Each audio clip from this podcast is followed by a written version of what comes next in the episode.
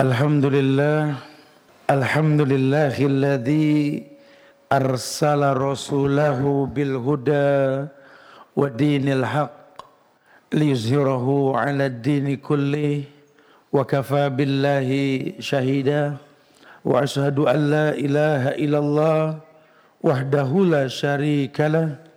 أما بعد فإن أصدق الحديث كتاب الله وخير الهدى هدى محمد sallallahu alaihi wasallam wa syarrul umuri muhdasatuha wa kullu muhdasatin bid'ah wa kullu bid'atin dhalalah wa kullu dhalalatin finnar. Ma'asyiral muslimin wal muslimat sahabat-sahabat rabanian yang semoga Allah berikan keberkahan dunia dan akhirat. Teman-teman dari alumni eh, Al Azhar Sekolah Islam Al Azhar yang semoga Allah selalu beri kemuliaan dan keberkahan buat antum semua insya Allah. Lebih khusus uh, Bapak Tatang, Amir Masjid Al-Azhar yang Allah berikan kemuliaan insya Allah karena memberikan banyak kemudahan buat kita semua dan teman-teman yang hadir pada malam hari ini. Alhamdulillah. Padahal banyak pintu-pintu hiburan malam ini loh. Alhamdulillah. Ini Masya Allah, Allah yahdina, Allah kasih hidayah sama kita. Kita bisa kumpul di Masjid Agung Al-Azhar ini untuk sama-sama belajar. Untuk sama-sama belajar. Karena hari ke depan ini bukan makin ringan tapi makin berat. Kalau ilmu nggak dikedepankan apa yang bisa kita lakukan nanti. Makanya ada pepatah ulama mengatakan fakidu syai' la Orang kalau nggak punya sesuatu nggak akan pernah ada yang diberi gitu lah. Ini saatnya kita ini saatnya kita ini betul-betul berusaha untuk mempertontonkan ilmu yang kita dalami dalam bukti tingkah laku kita. Karena demi Allah betapa banyak ujian yang mesti kita sikapi dengan ilmu. Bukankah kita tahu bahwa Allah sendiri berfirman dalam Al-Quran, Kul hal yastawil ladina ya'lamuna wal ladina la ya'lamun. Apakah sama orang yang berilmu dengan yang tidak berilmu? Oh tentu beda. Innama yatadzakkaru ulul albab. Dan itu cuma ulil albab yang paham itu. Ya ini orang-orang yang punya akal yang mau berpikir. Nah kondisi sekarang ini banyak sekali hal-hal yang dipertontonkan oleh orang-orang dalam rangka bentuk sebuah kebaikan namun tanpa hujah dan dalil. Karena kenikmatan kita bertanya kepada sosial media, kita nggak bertanya kepada guru-guru kita, anak nggak bertanya kepada orang tua, istri sudah nggak suka lagi berdialog dengan suami, akhirnya terbiasa bertanya kepada sosial media, sehingga hilanglah kemuliaan dan kehormatan. Dinasihati oleh ulama, dikatakan bahwa bima annal ilma la yu'khadu ibtida'an minal kutub. Walakin tutqinu mafatih syekh. Tutqinu syekh alladhi lau mafatih talab ulama memberikan nasihat kepada kita bahwa yang namanya ilmu itu sejak awal tidak diambil dari buku. Karena buku dibuat setelah ucapan terucap. Syekh Bakar bin Abdullah Abu Zaid dalam kitabnya Hilyatul Talibul Ilim beliau mengatakan bima annal ilma la yu'khadu ibtidaan minal kutub. Karena kita pengen bicara ilmu nih. Karena kita pengen bicara aplikasi, kita pengen bicara bukti, bukan cuma teori. Karena wallahi yang namanya teori itu akan keluar setelah ada perbuatan atau tingkah laku. Orang punya jam terbang dalam berbuat baru dia bisa berteori. Belakangan ini tidak. Betapa banyak sekali orang yang tak memiliki bukti dalam perbuatan sudah berani berteori gitu loh. Makanya saya mengatakan ketahuilah wahai para penuntut ilmu. Ini mumpung kita masih baru mulai lagi di Al-Azhar. Mudah-mudahan ke depan nanti lebih baik lagi nanti insya Allah ya. Ada landasan-landasan dasar yang mesti kita jadikan sebagai uslub. Uslub cara-cara dalam menuntut ilmu. Ya, saya mengatakan bima annal ilma la yukhadu ibtidaan minal kutub.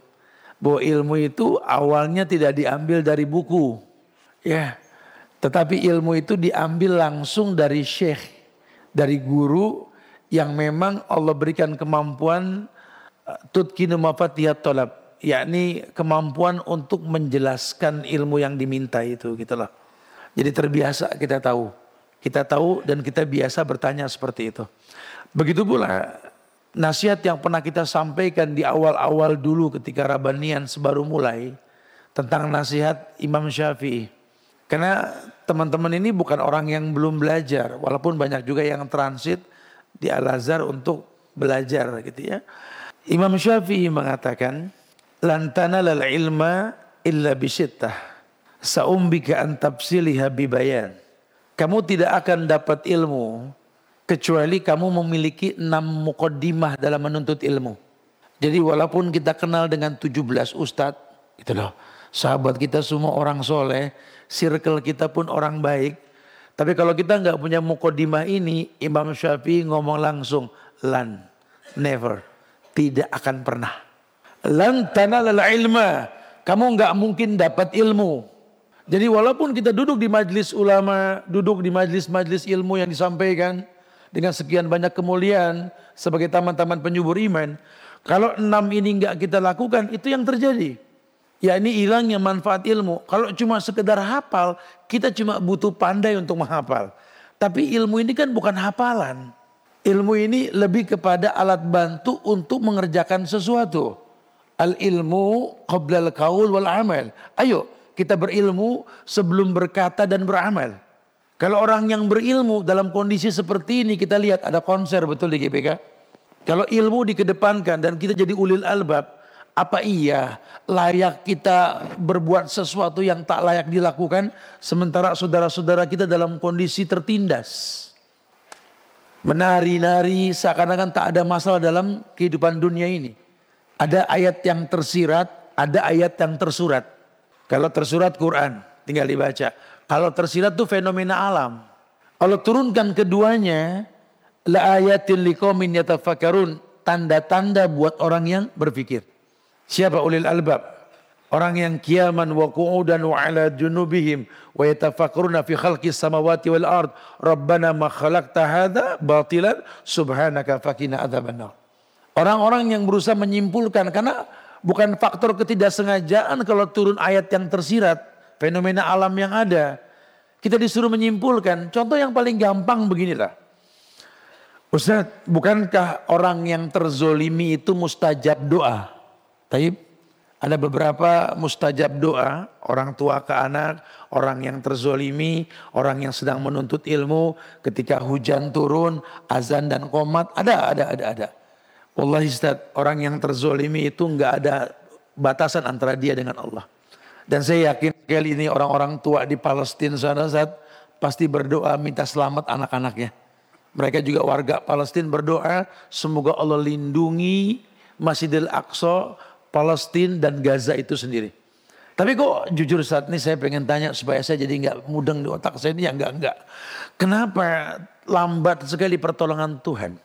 Ya, bukankah orang yang terzolimi berdoa mustajab bahkan nggak ada jeda antara dia dengan Allah? Allah jawab di surat Ibrahim ayat 42 kata Allah, "Wala tahsabannallaha ghafilan amma ya'malu zalimun. Innama yu'akhiruhum liyaumin takhsasu fihil absar." Ini ayat sudah 14 abad yang lalu Allah firmankan. Kata Allah, "Wala Allah ghafilan amma ya'malu zalimun." Kamu jangan berprasangka bahwa Allah itu ghafil. Enggak merespon lambat melihat orang yang berbuat zalim. Innama yu'akhiruhum liyamin tasasu fihil absar. Allah cuma menunda sampai datang waktu terbelalaknya mata melihat apa yang Allah bakal datangkan. Wallahi, ada yang namanya kaum Ad, kaum Samud. Ini orang-orang yang Allah musnahkan. Dia punya kelebihan fisik yang besar. Bahkan dalam riwayat dikatakan 60 hasta tingginya itu. Bisa mengukir gunung cuma sombong. Bahkan mereka sempat membuat miniatur sorga. Dahsyat tidak. Sorga dibikin miniatur ya bro. Coba itu. Eh Allah musnahkan dosanya cuma apa? Sombong. Ya. Ada kaumnya Nabi Nuh. 950 tahun didakwain sama Nabi Nuh. Ya, yang ada kekufuran mereka dosa mereka cuma nggak mau ngedenger Nabi Rasulnya nasihatin. Ada kaum Nabi Lut. Dosa mereka cuma LGBT. Laki demen laki, perempuan demen perempuan. Ini Zionis Yahudi semuanya ngumpul tuh dosa. Kenapa Allah nggak gulung gitu kan? Nah, ini banyak orang bertanya kayak begitu. Nah, ya. Wallahi akhi. Kita nggak bisa mempertanyakan kapan Allah turunkan azab buat mereka. Cuma sebagai manusia harusnya kita berhusnuzon. Karena prasangka buruk kita sama Allah keburukan yang bakal kita rasa. Justru ini fenomena di alam ini yang harusnya membuat kita ini tergerak hati kita. Di mana kita saat ini? Antara Zionis Yahudi dan Palestina. Di mana kita? Apakah cuma berkuar di sosial media? Silahkan berkuar kalau memang memberikan manfaat. Tapi sudah sekian lama kita berkoar, tidak satu rupiah pun yang kita transfer. Kunut nazilah masbuk mulu. Ini kan ajib betul. Harusnya kan sense of, apa sense of belonging kita kan timbul gitu loh. Andai ini terjadi di negeri kita. Karena api dalam sekam. MUI mengharamkan, tetap berjalan. Tidak diperbolehkan, tetap berlanjut. Ulama di Indonesia melarang minuman keras, betul? Tapi lihat di airport dibuka terang-terangan. MUI juga setuju haramnya LGBT betul. Bahkan sudah tegas sekarang berani nurunin fatwa tentang haramnya produk-produk yang manajemennya membantu uh, orang-orang Yahudi Zionis ini. Sudah jelas sekali. Cuma masih banyak hal-hal yang berjalan di masyarakat. Ini api dalam sekam. Nah kita generasi Robbani ini bukan terus menjadi orang yang benci dengan negara, tidak. Bahkan saya berharap sekali dengan kenyataan seperti ini timbulkan kecintaan kita sama negeri kita. Bahwa negeri ini butuh generasi Rabbani. Generasi yang betul-betul tahu ada hukum sebab akibat. Di mana kita di atas takdir yang telah Allah takdirkan. Dan kita mungkin perlu tahu ada cara-cara di mana kita membuktikan dalam kehidupan bahwa tidak selamanya fisik kita bisa sampai ke sebuah tempat. Tapi bukan berarti terhindarnya kita dari yang namanya jihad. Karena ini banyak sekali nanti orang-orang yang gampang sekali mengorasikan ajakan berjihad. Bahkan sampai guru-gurunya dianggap nggak berani berjihad karena nggak berkuar tentang jihad. Hari ini kan banyak yang begitu. Sampai kita bersuuzon sama guru-guru kita yang pernah mengajarkan cara berjihad sama kita. Antum nih nggak pernah ngomongin masalah Palestina, masalah jihad. Jangan-jangan antum takut berjihad. Ajib. Mau ngomong jihad, ayo jihad. Islam ajar kan, bahkan kita punya keyakinan. Wa sanamihi al-jihadu fis sabilillah. Agama kita punya puncak dan puncaknya agama kita itu jihad. Kalau jihad dikatakan puncaknya agama, berarti punya dasar. Jangan ngomong puncak kalau nggak punya dasar. Ada syahadat, sholat, zakat, puasa, haji, nikah, cerai, muamalah dan lainnya. Ada amalan-amalan yang berpuncaknya dengan jihad nanti. Pun bicara jihad Allah langsung yang menurunkan syariat mengatakan al jihadu fi sabilillah bi amwalikum wa bi anfusikum. Berjihad kata Allah yang paling utama dengan hartamu dan jiwamu. Ini Allah yang ngomong langsung. Jadi kalau sampai fisik yang digerakkan untuk membunuh, untuk berperang, itu tawaran yang kedua. Karena yang pertama dengan harta. Dan ini berat sekali. Dulu di zaman Nabi orang berjihad siap ninggalin harta yang dia punya. Bahkan kematian pun menjadi sebuah hayalan buat mereka. Ini yang Allah muliakan teman-teman di Palestina. Masya Allah muliakan dan jaga mereka Masya Allah. Kita kalau mau nyari barang yang dibikin ke Cina semuanya ada. Tapi kalau mau cari mental anak-anak yang gak takut mati adanya di Palestina nggak bisa dicetak di Cina itu. Jam terbangnya Masya Allah ya. Karena mereka tahu hidup ini ya jihad. Enggak hari ini ya lusa, enggak lusa ya akan datang. Wallahu alam. Cuma mereka punya keyakinan kullu nafsin dha'iqatul maut. Setiap yang bernyawa pasti mati. Tinggal yang mereka inginkan husnul khotimah. Nah kalau cuma ajakan jihad nggak tahu hukum sebab akibat jihad ini yang frontal. Ada anak muda datang ke Rasul. Ya Rasulullah izinkan aku berjihad. Kata Nabi al hayyun walidak. Apakah kedua orang tuamu itu masih hidup? Masih ya Rasul. Pulang fafihi mazihad. Pulang temuin keduanya. Di dalamnya pun ada jihad. Karena memang dijelaskan sama ulama di dalam situ. Jangan sampai anak muda semangat jihad masih nggak akur sama orang tua. Ada lagi yang datang ke Nabi ya Rasulullah izinkan aku berjihad. Nabi bilang masih punya utang nggak? Ada. Selesaiin dulu. Karena orang kalau jihad mati syahid. Dihapus semua dosa kecuali utang. Nah hari gini orang nggak merhatiin. Justru dia ngomong, tat gue bingung, tat gue banyak utang. Gue ngelamar kerja kemenanya ditolak. Tat. Jangan kata ngelamar kerja, anak orang gue kayak nggak nengok. Gitu. Saat hidup susah tat. Orang kalau nganggur kayak gini barang hilang kita yang ditengok. Gitu. Ada yang hilang kita yang dijapri.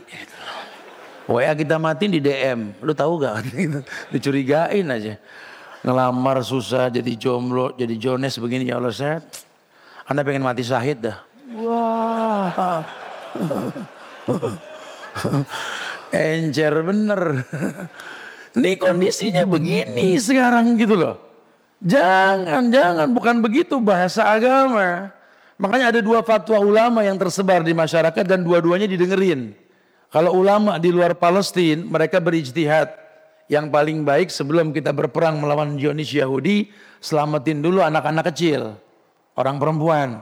Sehingga kita ngancurinnya gampang. Itu pendapat ulama di luar Palestina. Tapi kalau ulama dalam Palestina mereka juga pegang hukum. Ada hadis Nabi yang menjelaskan bahwa mempertahankan amanah yang Allah amanatkan adalah syahid. Ya buat mereka ya pertahankan kita subuh kita doa. Tapi kita kan nggak bisa ke sana. Karena dunia sudah dikup dengan nama-nama negara dan kebijakan yang berbeda. Enggak bisa, enggak bisa. Kita sembarangan keluar masuk, enggak bisa. Ada aturan mainnya. Sehingga kita jadi enggak berjihad. Siapa bilang, ayo bantu dengan harta kita. Enggak usah khawatir, enggak usah bakhil, enggak usah medit, koret, pelit, enggak usah. Itu duit yang kita punya itu duit Tuhan loh. Cuma kita ketitipan. Kalau udah layak dikeluarkan, keluarin. Ya makanya, wallahi ya akhifillah, titipan Allah ini sikapi dengan ilmu. Ya ketika Allah sudah titipkan cukup yang kita yang yang yang dititipin sama Allah ini lakukan yang paling mudah. Nih Jones, jomblo-jomblo ngenes, ente udah punya modal. Kalau memang duit udah cukup, lamar anak orang. Jangan takut, udah punya modal, kawin. Gak usah nunggu dajjal turun. Bismillah udah lu. Mau jihad, karena ngelamar aja takut. Yang udah cukup duit buat umroh, berangkat tuh duit Tuhan. Yang udah cukup buat haji, berangkat haji. Yang cukup ngasih sedekah, bantu sedekah. Nanti Allah bakal titipkan lebih. Karena bahasa Allah, nahnu narzukukum wa iyahum gitu kan. Oh panjang bahasannya. Ada riwayat yang dikatakan bahwa Rasul pernah bersabda, La tazulu qadama abdin yawmal qiyamah hatta yus'ala an umrihi fima afnah. Wa an ilmihi fima fa'alah. Wa an malihi min aina iktasabahu. Wa fima anfaqahu. Wa an jismi fima ablah. Nabi pernah bilang dalam sebuah riwayat yang sahih, ya, dijelaskan bahwa hadis ini hasan sahih. Dulu sahabat Abi Barzah menyampaikan Nabi pernah mengatakan la tazulu qadama 'abdin yaumal qiyamah hatta yus'ala an umri fi ma'afnah. Nanti ini kaki kita nih di hari kiamat di padang mahsyar nggak akan pernah bergeser dari tempatnya. Maksudnya apa? Kita nih sebelum bergerak sudah ditanya. Pertanyaan yang pertama adalah yakni umur yang kita miliki kita habiskan untuk apa? Cuma buat tongkrang-tongkrong nggak ada makna? Subhanallah. Makanya kemarin sempat ada off sedikit Rabanian. Ya Allah hati kami ini sedih karena di Rabanian ini betul-betul Al-Azhari semoga Allah jaga masjid ini insya Allah. Ini masjid tempat transit teman-teman yang kerja di seputar uh, Jakarta untuk mampir ini. Kalau kita punya kelas khusus belajar bukan di Rabanian. Rabanian betul-betul cuma transit numpang lewat. Makanya kita nggak bisa fokus seperti belajar di kelas. Ya disampaikan dengan bahasa-bahasa yang mudah supaya teman yang transit tahu oh bener agama tuh mudah. Mudah. Agama nggak susah. Ya asal tahu cara menuntutnya gitu loh. Ya sayang kalau sampai nggak dibikinkan event-event yang seperti ini. Karena ini kita sebentar kita bisa ngobrol langsung. Kita bisa belajar bareng sehingga sampai dalil yang mengatakan la tazulu qadama 'abdin yaumal qiyamah hatta yus'ala an umri fi ma Sampai ditanya umurmu dihabiskan untuk apa? Ini umur nikmat pinjaman yang Allah pinjamkan kepada kita. Akhi wa akhwati fillah ya. Kalau dulu bahasa kita brother side and sister side. Ya wallahi kita ini beruntung tinggal di negeri yang Masya Allah ini Indonesia ini. Kata Rasul dalam sebuah riwayat. Man asbaha minkum aminan fi sirbi mu'afan fi jasadih. Walahu kut ingda yomih. Faka'annama lahu eh, hizat fi hadabiriha.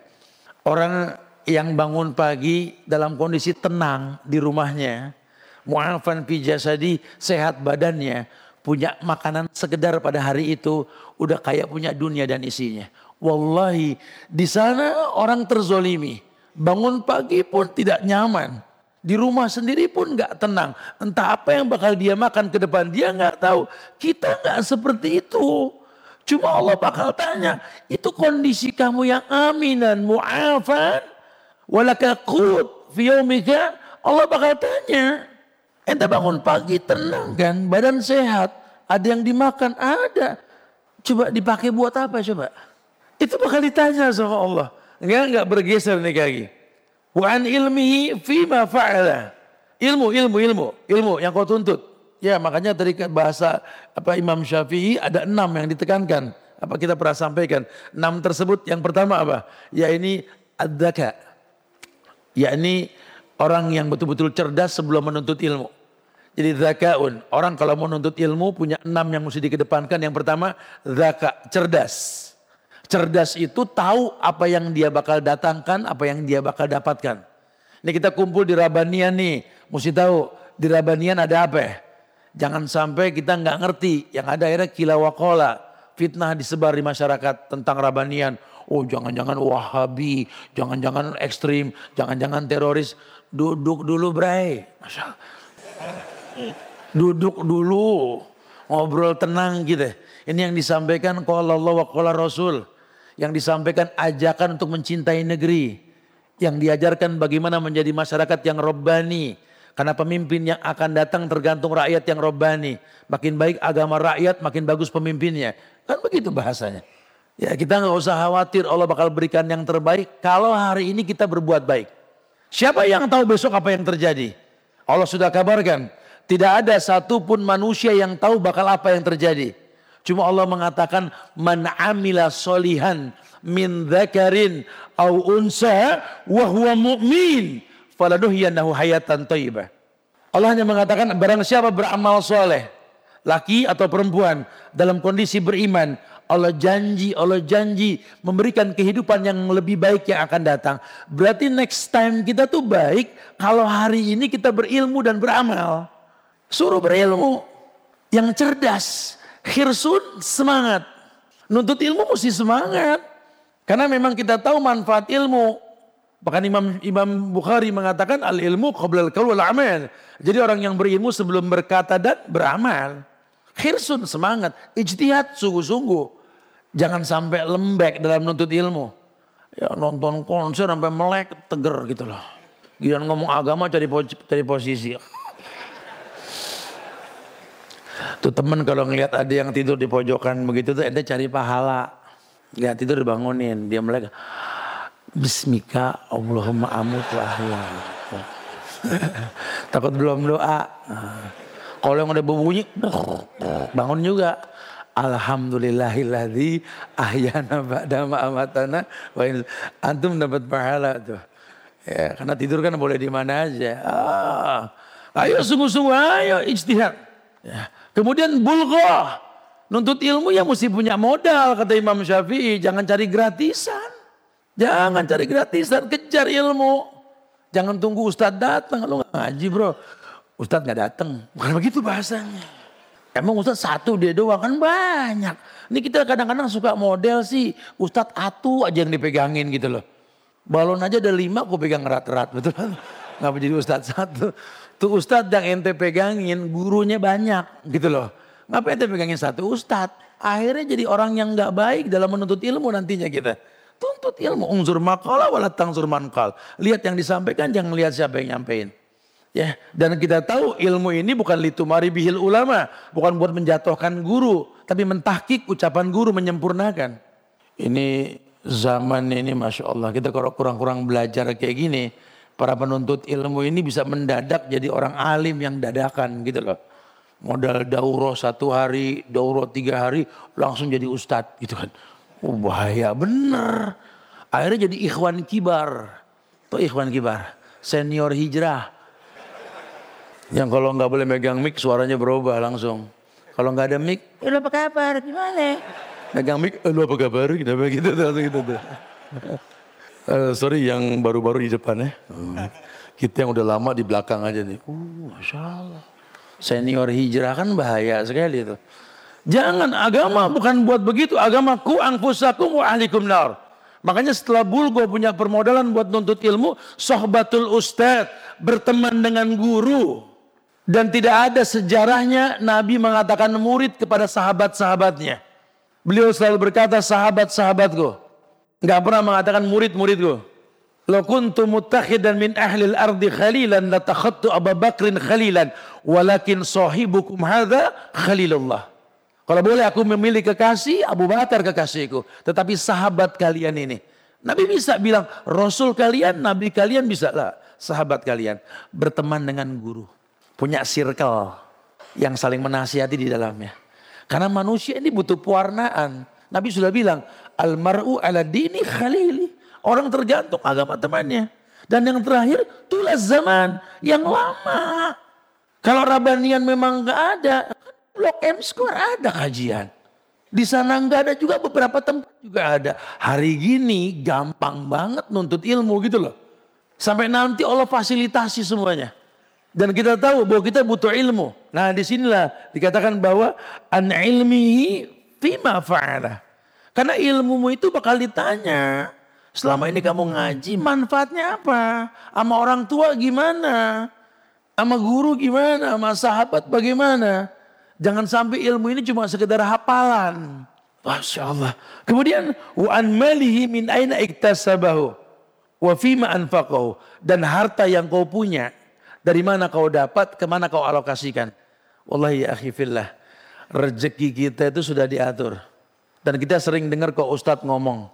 Innallaha qaddaru maqadiral khalaik qabla yahluqas samawati wal ard bi khamsina alfasana. Sering dengar ya? bahwa takdir manusia itu telah Allah takdirkan 50 ribu tahun sebelum tercipta langit dan bumi. Berarti duit kita hari ini Allah udah tentuin dulu. Next time kita bakal dapat apa pun telah ditakdirkan. Cuma usaha kita hari ini itu bukan menambah jumlah bilangan yang bakal kita dapat. Tapi kualitas yang bakal kita dapat. Ketika kita bekerja dengan jujur, enggak menyingkirkan kewajiban ibadah, rezeki datang. Enggak kerja pun rezeki datang. Cuma kualitasnya. Ya makanya teman-teman mesti berilmu. Khawatirnya ini menganggap bahwa uang ini saya cari. Kalau enggak dicari enggak dapat. Salah. Mungkin antum bahasanya gaji bro. Mungkin bahasanya kerjasama. ya. Tapi kalau rezeki terserah Allah. Karena bahasa Allah, nahnu narzukukum wa iyahum. Kami kasih rizki sama kamu buat mereka. Ketika kamu tahu rezeki yang kau miliki punya banyak orang, di situlah Allah bakal tambah rezeki yang Allah titipkan sama kamu. Kenapa? Kamu orang yang layak dititipi. Masya Allah. Dia tahu yang dia miliki, milik Allah. Makanya ada bahasa kita, kalau kita dapat rezeki dikasih orang, terima. Tapi kasih. Gitu loh. Jangan ditelan sendiri, terima. Tapi kasih. Yang kau terima ada bagian untuk kau kasih sama orang. Bukan buat kamu sendiri karena Allah pakai bahasa nahnu narzukukum wa iyahum. Kami kasih rezeki sama kamu buat mereka. Kamu cuma ketitipan. Kamu dulu itu bayi merah yang lahir nggak bawa nggak bawa macam-macam, nggak bawa uang. Ketika sekarang kamu punya segalanya, nanti kamu mati jadi mayit yang pakai kafan tak memiliki kantung, tak ada yang kau bawa. Apa namanya kalau bukan titipan? Nah bicara titipan, yang nitipin bakal nanya. Summalatus aluna yawma idhin aninai. Bakal ditanya, bakal ditanya. Ente beli mobil mewah, motor mewah, rumah mewah. Duit siapa tuh? Duit Allah. Allah bakal tanya, lu beli mobil mewah buat apaan? Bingung. Kalau orang yang berilmu kan akan jawab. Mungkin memang mobil ini dibeli untuk acara-acara tertentu yang membutuhkan itu, gitu loh. Sehingga dia punya alasan. Karena nanti kita kalau beli sesuatu, punya sesuatu, target kita Allah, orang bisa bertasbih dengan yang kita miliki, itu bagus. Tapi kalau cuma pengen dianggap hedon kan bahaya. Apa kata Umar Ibn Khattab? Iyakum wa tana'um wa ziyal ajam. Wakhsawsinu wa. Kata Umar Ibn Khattab, jauhkan hidupmu dari kehidupan mewah. Ya kenapa? Karena orang kalau sudah hidupnya mewah, cenderung mirip orang kafir. Orang kalau udah high class, head on. Baju kalau nggak mirip yang dipakai sama artis Hollywood nggak bakal gue beli. Eh, pokoknya apa juga kalau nggak merek keluar gak ada. Orang mereknya di dalam, semua dia merek di luar gitu loh. Ya. Iya pokoknya bukan kelas saya gitu loh. Head on sudah. Kita mau, mau beli mobil juga kalau nggak mewah nggak enak. Orang kalau sudah tanaum kata Umar Ibn Khattab identik sama orang-orang kafir kemiripannya. Nah, kita suruh jangan ke situ. Kenapa? Karena Islam pernah menguasai dunia dan dunia terwarnai sama Islam. Cuma kan memang musuh-musuh Islam tahu untuk melawan orang Islam itu nggak bisa dengan ngancurin masjid. Fanatisme agamanya kuat. Timbulkan fitnah di antara kalian. Jadi sementara kita lagi mikirin gimana bantu Palestina, ya teman-teman sosialita mak ribut di sosial media. Ya bukan nggak boleh kalau emang ada manfaatnya silakan. Wajadil hiya ahsan. Tapi kalau pada akhirnya nggak ada manfaat ya jangan. Ayo, dunia ini butuh bukti bukan teori. Sudah saatnya diri kita berfungsi atau tidak untuk menyikapi ini. Karena hari gini depan mata, walaupun ulama sudah haramkan, syariat mengatakan tidak boleh, kadang-kadang syahwat yang dikedepankan bisa menghalalkan yang diharamkan. Itu yang terjadi sekarang. Ya, Eh, lihat kayak begini senang Masya Allah. Subhanallah. Ya, walaupun masih sedih juga. Karena tadi saya dari Istiqlal kemari kejebak macet tuh. Ada acara apa tahu. iya, ada, apa sih ya, yang adem-adem Coldplay apa apa sih itu. Acara apa saat es krim lagi dijual saya bilang gitu. Tapi saya bilang sama panitia nggak usah khawatir bro. Jakarta masih punya power bro. Anak-anak muda masih kuat. Ya, terbukti Rabanian kumpul kita Masya Allah. Ini mudah-mudahan membuktikan bahwa kita masih betul-betul membutuhkan belajar. Sehingga ke depan akan lebih baik nanti insya Allah ya. Bro, kita ambil kesempatan untuk momentum ini kita pengen berdialog. Ya, selama Rabanian gak ada mungkin ada yang mau ditanyakan. Tapi inti bahasan kita ini saat ini memang kita butuh bukti bukan teori. Silakan bro, barakallahu fikum. Nah. Masya Allah, jazakallah khairan Ustaz, barakallahu fikum atas nasihat. Eh tapi anda mau tanya dulu bro, ini ada yang datang paling jauh gak? Bawa mobil, tapi paling jauh, dari mana? Tadi Bekasi Ustaz. Ah, karena Bekasi nih, Bekasi Utara. Yang paling jauh, tapi anda dari mana? Kayaknya Indramayu Ustaz, Indramayu. Indramayu, Indramayu. datang kemari, pakai mobil. Masya Allah. mobil bukan bus. Ada yang lebih jauh? Indramayu. Ada yang lebih yuk. Ada? Indramayu tadi. Udah paling jauh ya? Iya. Jauh. Yakin paling jauh? Mo- mobil ya, bukan bus ya. Ah. Bawa Mobil. mangga, mangga, mangga, mangga Indramayu. Ah, enggak, enggak. enggak. Anda mau Lagi- kasih lagi ini nih. Ini, ini, Oh, lumayan. bro, bro. Anda punya etol. Etol. Etol. Tapi emas. Masya Allah. Masya Allah. Siap. Buat contoh ke orang-orang yang lain bahwa ternyata perjalanan yang jauh ini tetap memiliki harga tersendiri insya Allah. Masya, Masya Allah. Allah. Langsung dioper ya. Emas langsung dioper, langsung dioper. dioper. Ya, Silakan. Adakah yang hari ini dulu. datang Silakan. sengaja bawa ibu bapaknya untuk ngenalin Rabanian? Masya ada? Antum? Antum, Antum lagi. juga? juga. Dari yang lain Indramayu dulu. juga. Mau lagi Ustaz. Mau lagi. Ada lagi? Enggak, Masya silakan. Empat biji anak. Anaknya tapi Ustaz. Anaknya Ustaz, empat Ustaz. Orang tua ikut. Orang tua ikut nggak? Oh, Udah meninggal Ustaz. Udahnya orang tua yang macam-macam. Rahim. Ada nanya orang tua dulu nih yang bawa orang tua sekarang buat kajian Rabanian ada? Insya Allah yang bawa orang tua. Betul. Itu Ustaz, itu Ustaz. Ah, ah. mana yang lain tuh? Bawa orang tua. Siapa? Ibu. Ibu. Ada yang bawa Oh, ibu sama bapak gak? Lengkap. Antum? Itu, itu Ustaz. Bapak bawa sama ibu. Barakallah, masya Allah. Ini bukan yang dapat tadi, bukan ya? Bukan, bukan. Bukan, bukan, belum, Ustaz. Lu pakai apa kemari? Pakai apa kemari? Ada Ustaz depannya. Hah? Mobil juga Ustaz. Oh ya, bagi lagi deh. Kita bagi emas lagi nih. Masya Tiap Allah. orang tua, masya Allah nih. Ah. Barakallah. Mungkin yang ah, sister Ustaz. Sister ada ya foto? Ada. Sister ada yang bawa sama orang tua. Sister ada. yang bawa orang tua. Oh ada nih satu yang angkat tangan nih. Oh ada, ada Ustaz. ada berapa tuh? Ini Masya Allah. tangannya satu kelihatan. Bawa ibu sama bapak ada. Harus lengkap bawa ibu dan bapak. Ada, Ada. satu orang, Dua? ada, ada, insya Allah. Ada dua. Ada, Ada. dua Ustaz. Ada dua orang, dua orang apa satu orang Ustaz? Yang akan kita bagi? Ada. Dua, dua orang ya? Dua ya? Ada Ustaz. Ada. Ada Ustaz. Ada. Ya udah kita ada. lagi nih. Masya Allah. Mudah-mudahan manfaat insya Allah. Ada Ya. satu. Insya Allah. Karena kita anak muda mesti ngormatin orang tua bro. Ya. Masya Allah. Gak ada yang sulit hidup kalau orang tua nomor satu. Masya Ya, Allah. katakan dengan tegas bahwa makin tinggi ilmu kita, ya, makin jelas kesalahan orang tua. Tapi bukan untuk kita hakimin. Ya, wallahi ya ummi inni ra'aitu al khata'at fi nafsik walakin ismuki mangkusun fi qalbi. Wallahi ya ummi inti ala ra'si. Makin tinggi ilmu kita makin lihat kesalahan orang tua. Tapi jangan dihakimin. Karena nama orang tua di hati kita. Katakan wahai ibu kau di atas kepalaku. Itu anak muda. Barakallahu fikum. Nafi barakallah. Masya Allah. Wah, terunyuh saya. Iya. Siap. Bridgingnya ke orang tua ya. Iya. Jadi melo gitu Allah. Melo, tapi nggak apa, masya Allah. Sekali lagi terima kasih sehatnya dan uh, brothers and sisters, kita akan maksimalkan tanya jawab di atas dan silakan untuk brothers and sisters yang ingin bertanya tunjuk tangan. Yang depan dulu nih ya. Boleh, depan dulu. Pertama kali silakan, Mike ya. Silakan. Ntar sister bersiap-siap untuk uh, pertanyaan selanjutnya. Bismillah, Assalamualaikum warahmatullahi wabarakatuh. Waalaikumsalam warahmatullahi wabarakatuh. Iya. Barakallahu fiq. Fika bar. Eh, sebelum anak ke sini, Abah titip salam untuk Antum Ustaz. Salam balik sama beliau. Insya Barakallahu Allah, fik. karena Abah udah ngikutin Antum dari 2016 di Kampung Melayu.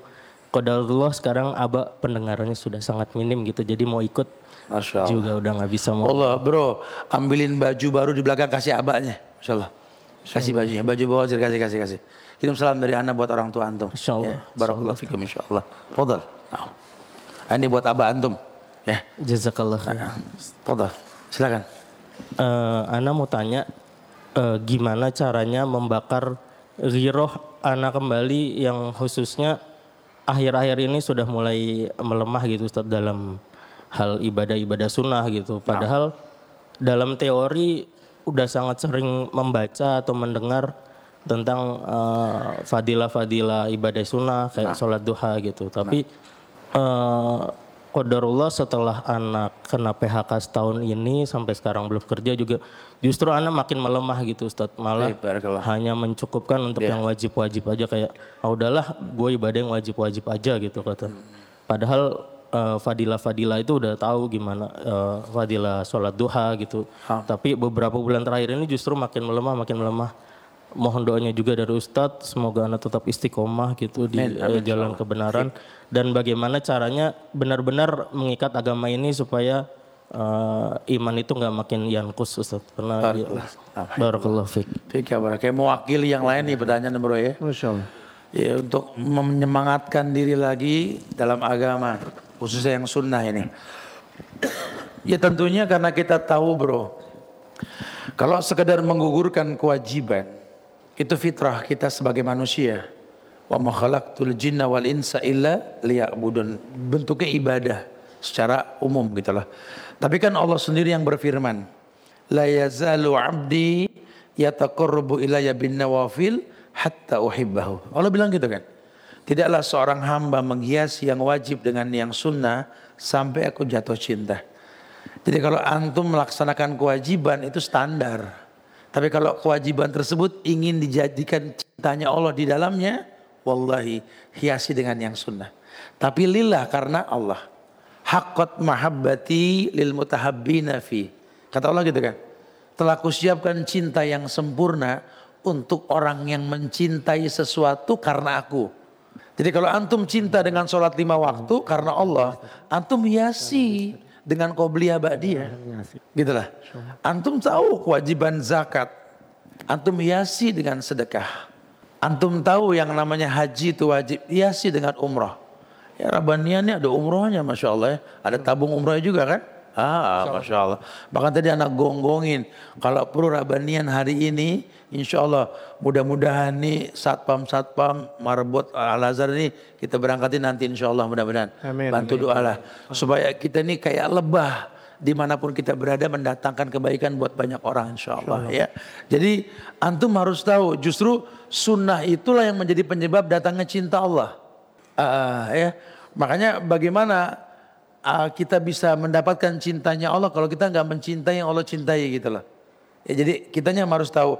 Nah kebanyakan orang ini beribadah kepada Allah karena dasarnya tidak kenal Allah. Dan gak sedikit orang-orang Islam yang ibadah dalam kondisi tidak hafal nama Allah. Kita berdoa ke Allah yang kita nggak kenal, ajib. Kita berdoa ke Tuhan yang kita nggak kenal, Tuhan yang diminta bilang. Walillahil asmaul husna faduhu biha. Kata Allah gitu. Allah punya nama-nama yang sempurna, minta dengan nama tersebut. Tapi kitanya bandel, minta nggak pakai nama Tuhan karena nggak hafal. Lucunya merasa dijawab. Kayaknya Allah denger nih. Wah. yang lebih fatal lagi suuzon. Gue mau kadang-kadang saat doa gue udah mirip banget sama yang Ustaz sampein tadi tat di suasana yang hening di waktu yang tepat. Kayaknya tiap aneh berdoa lempengan Tuhan kagak kedenger tat. Astagfirullahaladzim.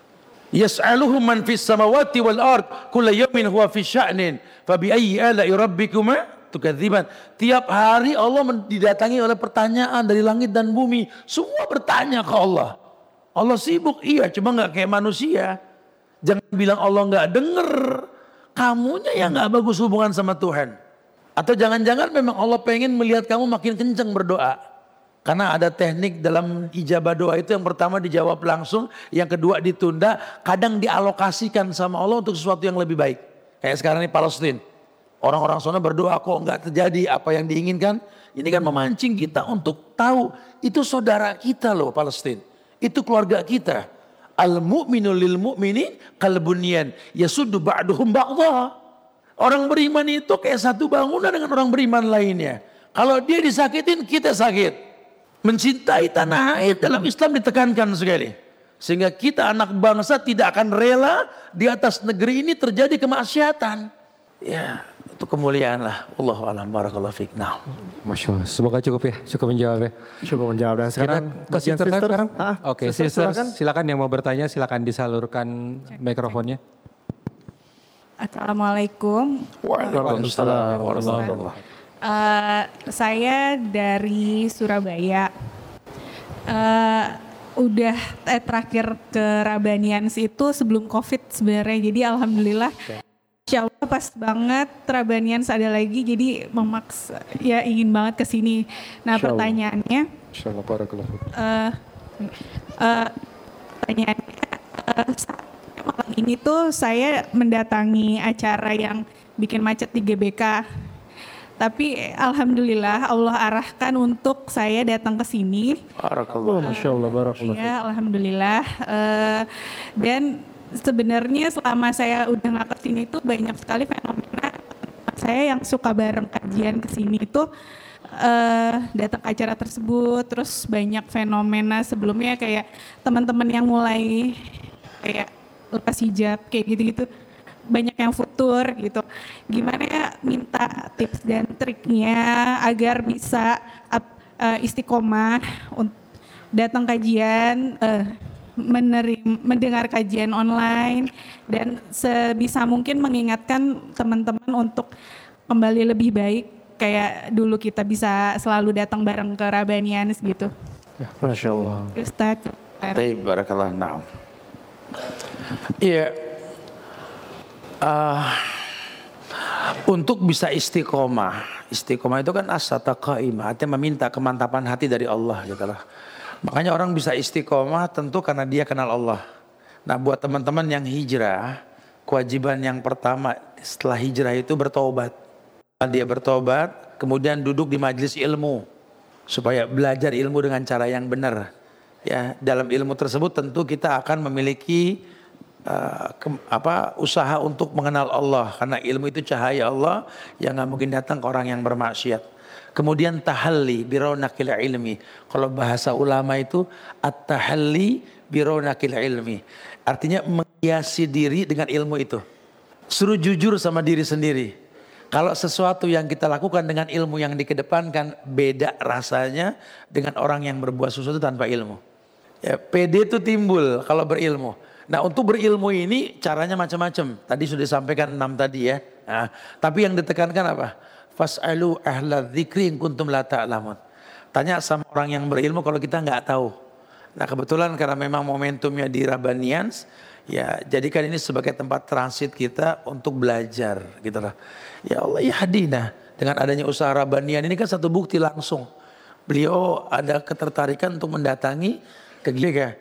Cuma Allah kasih hidayah untuk bisa kumpul di Rabanian. Ini subhanallah ya. Mari kita doakan mudah-mudahan Rabanian ke depan ini bisa lebih solid dan bisa lebih menjadi fasilitas buat teman-teman untuk menuntut ilmu tentunya. Ya, rasakan nikmatnya berilmu. Dengan ilmu ini semuanya mudah. Orang kalau sudah berilmu di mana pun dia bisa bermuamalah. Karena Allah janjikan kemuliaan buat orang yang berilmu. Kul hal yastawil ladina ya'lamuna wal ladina la ya'lam. Innama yatadzakkaru ulul albab. Yang tahu ini cuma ulil albab orang yang mau berpikir. Wallahu alam. Barakallahu fiik. Naam. Masya Allah. Masya Allah. Ini untuk teman-teman yang tadi saat- yang ternyata ada juga yang masih udah ngaji di sini sebenarnya tapi ya mungkin nggak tahu lah kenapa Qadarullah tergiur datang ke tempat yang sana. Kira-kira mereka bisa diajak Sebenarnya sih gini bro. Eh, ini fenomena yang anda berhusnuzon. Ya mungkin orang tertarik karena ada rasa penasaran. Casingnya ini dibikin bagus. Ya, hari gini ini kan apa kemasan yang dikedepankan betul. Sehingga orang tuh membeli atau mendekati sesuatu karena kemasan gitu loh. Makanya teman-teman nih yang pandai untuk mengemas, kemaslah belajar kemasan yang indah. Sehingga eh, kita berikan fasilitas yang banyak. Enggak usah khawatir.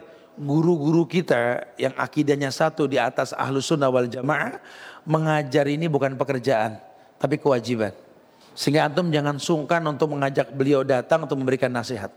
Ya, jadi insya Allah Allah berikan kemudahan buat kita. Sehingga kita nggak jadi orang yang penasaran untuk sesuatu yang nggak baik. Karena nggak ada yang jamin umur kita sampai selesai acara tersebut. Kebayang kalau Allah wafatkan kita di tempat tersebut, kondisinya kita suul khatimah, gitu kan ya. Allah. Kita doakan semoga mereka diberikan hidayah insya Allah. Amin, amin. Ya, karena kan mereka juga saudara kita ya, satu bangsa, setanah air Indonesia ini yang semoga Allah jadikan ke depannya lebih baik lagi nanti insya Allah. Ya, barakallahu Semoga teman dan sisters tadi dua pekan lagi datang ke Rabanian. betul. Amin. Amin. Amin. Amin. ya rabbal alamin, ya. Insyaallah. Dan brother silakan ada yang mau bertanya lagi? Mungkin dari sebelah sisi kanan sekarang silakan Bapak. Mana, mana? Silakan. Ah, Mana? Bapak. Yang, Yang eh, duduk. ya, yang duduk. Di atas Silakan. ya, oke. Duduk di atas, silakan. Assalamualaikum warahmatullahi wabarakatuh Ustaz. Waalaikumsalam. Assalamualaikum warahmatullahi wabarakatuh. Uh, kita ketemu lagi Ustaz, kemarin kita ketemu di Sukofest ya. Saya ketemu di Oh iya, Naam. Barakallah. Ustaz, saya mau nanya, tadi Ustaz bilang bahwa kita kan tidak boleh terlihat uh, head on, bahasa anak sekarang Nah. ya Ustaz ya. Gitu. Tapi uh, saya pernah dapat bahwa dikatakan kita sebagai umat muslim harus kaya. Nah, Karena harus bisa menjalankan kayak tadi titipan itu menjadi jalan buat dakwah ilmu dan semua semuanya.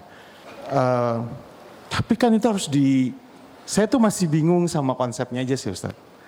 Karena itu antara gimana caranya kita memastikan rezeki yang dititipkan itu bisa ada. Tak, saya ngerasain kayak sekarang saya beberapa bulan yang lalu saya di layoff dari perusahaan saya. Tapi sampai hari ini alhamdulillah saya nggak merasa kurang. Tapi Saya masih bingung Ustaz. Konsep itu untuk meyakinkan hati ke situ itu dan memastikan bahwa nextnya yang saya mau jalanin gitu. Karena saya pengen punya bisnis ya Ustaz. Gimana ya Ustaz? Jadi boleh bantu an- Anda pengen antum bisa bantu Anda bisa bawa kami-kami di sini lebih yakin bahwa rezeki itu nggak perlu dicari. Nah. Mungkin itu Ustaz. Barakallah. Jazakallah. Barakallah. Nah. Siapa yang nyangka kalau antum bakal dapat rezeki malam ini? Betul? Tapi kan Allah telah berikan rezeki tersebut dan udah diatur sama Allah. Bro, satu kemeja lagi buat beliau bro, satu berbagi. Masya Allah. Masya Allah. Akhi, rumus mengenal Allah itu akan menjamin kemuliaan ke depannya. Allahu khaliqu wakil. Ini firman Allah. Allah yang mencipta segala sesuatu, Allah yang menjamin. Allah yang menjamin. Coba yang jadi masalah, yakin gak kita dengan firman Allah itu? Gitu lah. Sehingga kalau kita yakin dan kita menghafal nama Allah, kita berani berkata, Kaifa ahaful fakir wa ana abdul ghani. Bagaimana aku bisa takut miskin sementara aku nih hamba Allah yang maha kaya. Secara logika kita nggak bisa bersaing sama orang-orang kafir yang punya modal, punya manajemen. Watat modal kita nggak kuat, nggak bisa bersaing. Mungkin bahasa kita simpel begitu ya. Karena pola pikir mereka nggak sama dengan kita. Kalau mereka kan minjem duit mikirnya gimana muterin. Kalau kita kan lain minjem duit mikirnya gimana balikin. Itu islami banget gitu ya. Ah, ini yang mesti kita pahami. Kita ini hamba Allah yang maha kaya. Nah ketika kita yakin kita hamba Allah yang maha kaya. Allah jamin kita. Makanya keyakinan itu mesti ditimbulin. Terus Eh, belajar dari orang-orang yang pernah dititipin dunia sama Allah. Antum buka sejarah tentang Utsman bin Affan, tentang Abdurrahman bin Auf, ya, tentang Tolha bin Ubaidillah atau Zubair bin Awam yang di hari tuanya jadi orang kaya, yang dia punya anak namanya Urwah bin Zubair yang punya rumah terbuat dari batu giok. Rumahnya batu giok, Bro. Kita satu aja sombong satu komplek betul ya. Rumahnya giok. Ketika ditanya, eh, apa yang kau lakukan ini wahai Urwah? Aku cuma pengen orang numpang ngadem karena gurun Sahara yang panas. Nggak ada kesombongan gitu ya. Karena dia optimis. Lawang semua cuma titipan. Makanya rumus tajir kata mereka kalau antum baca sejarah mereka itu rumus tajir itu anfik unfik alik. Belajar berani menginfakkan yang dititipin Allah bakal infakkan kita. Latih diri ini untuk memberi bukan menerima. Dan itu laki bro. Laki itu kata Nabi wa izzuhu istignahu anin nas. Laki itu tidak pernah nyandar sama orang. Bro, kita ini laki emas. Jatuhnya orang berebut. Laki itu. Kalau perempuan berlian mutiara diikat sama emas. Makanya kalau emas nggak berani ngikat. Barakallahu fikum. Masya Allah. harus berani dan harus yakin ya. Karena rezeki itu udah Allah atur yeah. pasti Masya Allah. Dan terakhir sisters, pertanyaan terakhir.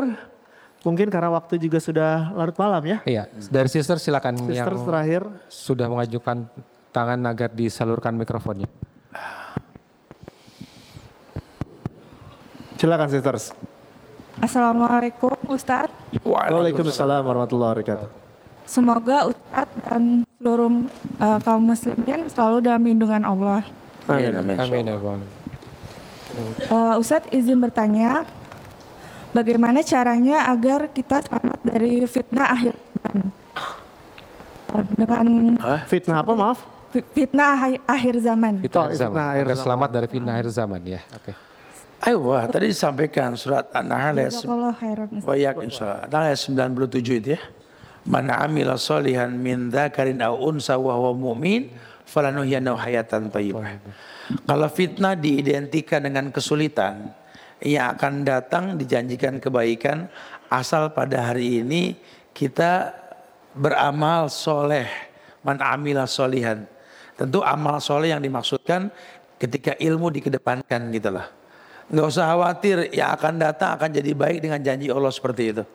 Makanya menghadapi fitnah akhir zaman ini rumusnya ilmu dan kita nuzon bahwa kita punya Allah ini yang memang sudah mengatakan la yukallifullahu nafsan illa wus'ah. Allah nggak mungkin uji kita batas kemampuan. Ya ingat kita berhusnuzon. Jadi nggak ada yang namanya ujian ini bentuknya menjolimi manusia nggak ada. Ya tidak ada kezoliman dalam fitnah yang Allah ujikan kepada manusia. Kalau kita kenal Allah. Kalau kita nggak kenal Allah, kita akan merasa terzolimi. Karena hidup ini kan ke, bukan masalah kaya atau miskin, gagal atau sukses, sakit atau sembuh, bukan. Masalahnya bisa gak bersyukur, masalahnya bisa gak bersabar. Karena hidup ini pasti ujian. Dan hidup ini perpindahan dari satu ujian ke ujian yang lain. Tapi kalau kita kenal Allah dengan benar, tahu Nabi Muhammad dengan benar, kita akan ada rasa bangga jadi orang Islam. Karena Nabi pernah mengatakan bahwa yang namanya ujian itu lambang cintanya Allah. Inna Allah idha ahabba kauman ibtalahum.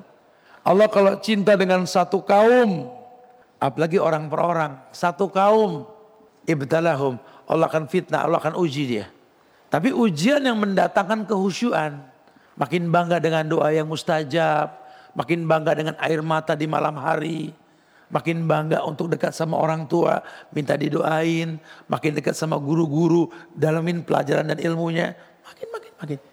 Ya karena ujian itu kalau disikapi dengan ilmu membuat kita makin dekat pada kebenaran.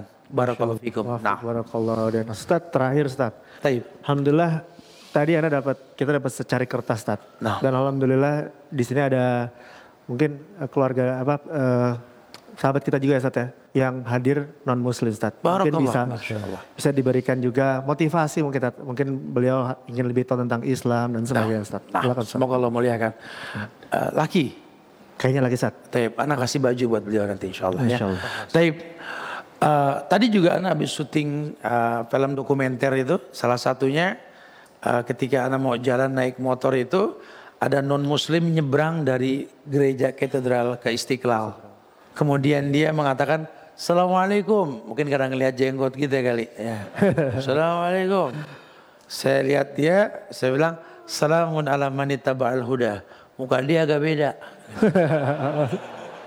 Ini kayaknya alirannya lain nih katanya. Lu kata kok kali Ciliwung. katanya. Ya, Anda jelaskan bahwa memang orang Islam ini juga memiliki salam sama non Muslim. Kalau orang Islam Assalamualaikum kita bilang Waalaikumsalam. Tapi kalau orang non Muslim yang terbiasa mendengar salam juga lancar Assalamualaikum. Kita juga balasnya Salamun ala manita ba'al huda. Kama kala Imam Bukhari fi akhir yakni salamun ala man ittaba'al haq. Artinya keselamatan buat orang yang mengikuti hidayah. Makanya anak berdoa orang tersebut semoga diberikan hidayah nanti insya Allah. ya. Amin, amin, amin. Supaya tahu Islam ini agama yang sifatnya rahmatan lil. Alamin. Enggak ada kerusakan dalam agama ini. Agama ini la darar wala dirar. Agama ini enggak pernah berbahaya dan enggak pernah mendatangkan bahaya. Makanya mudah-mudahan uh, kamu yang datang tersebut pada malam hari ini terkena biasan kebaikan. Terbukti bahwa kami kumpul di Rabanian ini ingin menjadi generasi Rabbani buat negeri tercinta Indonesia. Sehingga nggak ada lagi kerusuhan di antara kita, fitnah di antara kita. Biar negeri ini makin baik ke depan nanti insya Allah ya. Amin, amin, amin. Masya Allah. Jazakallah khairan Ustaz sekali lagi. Barakallah.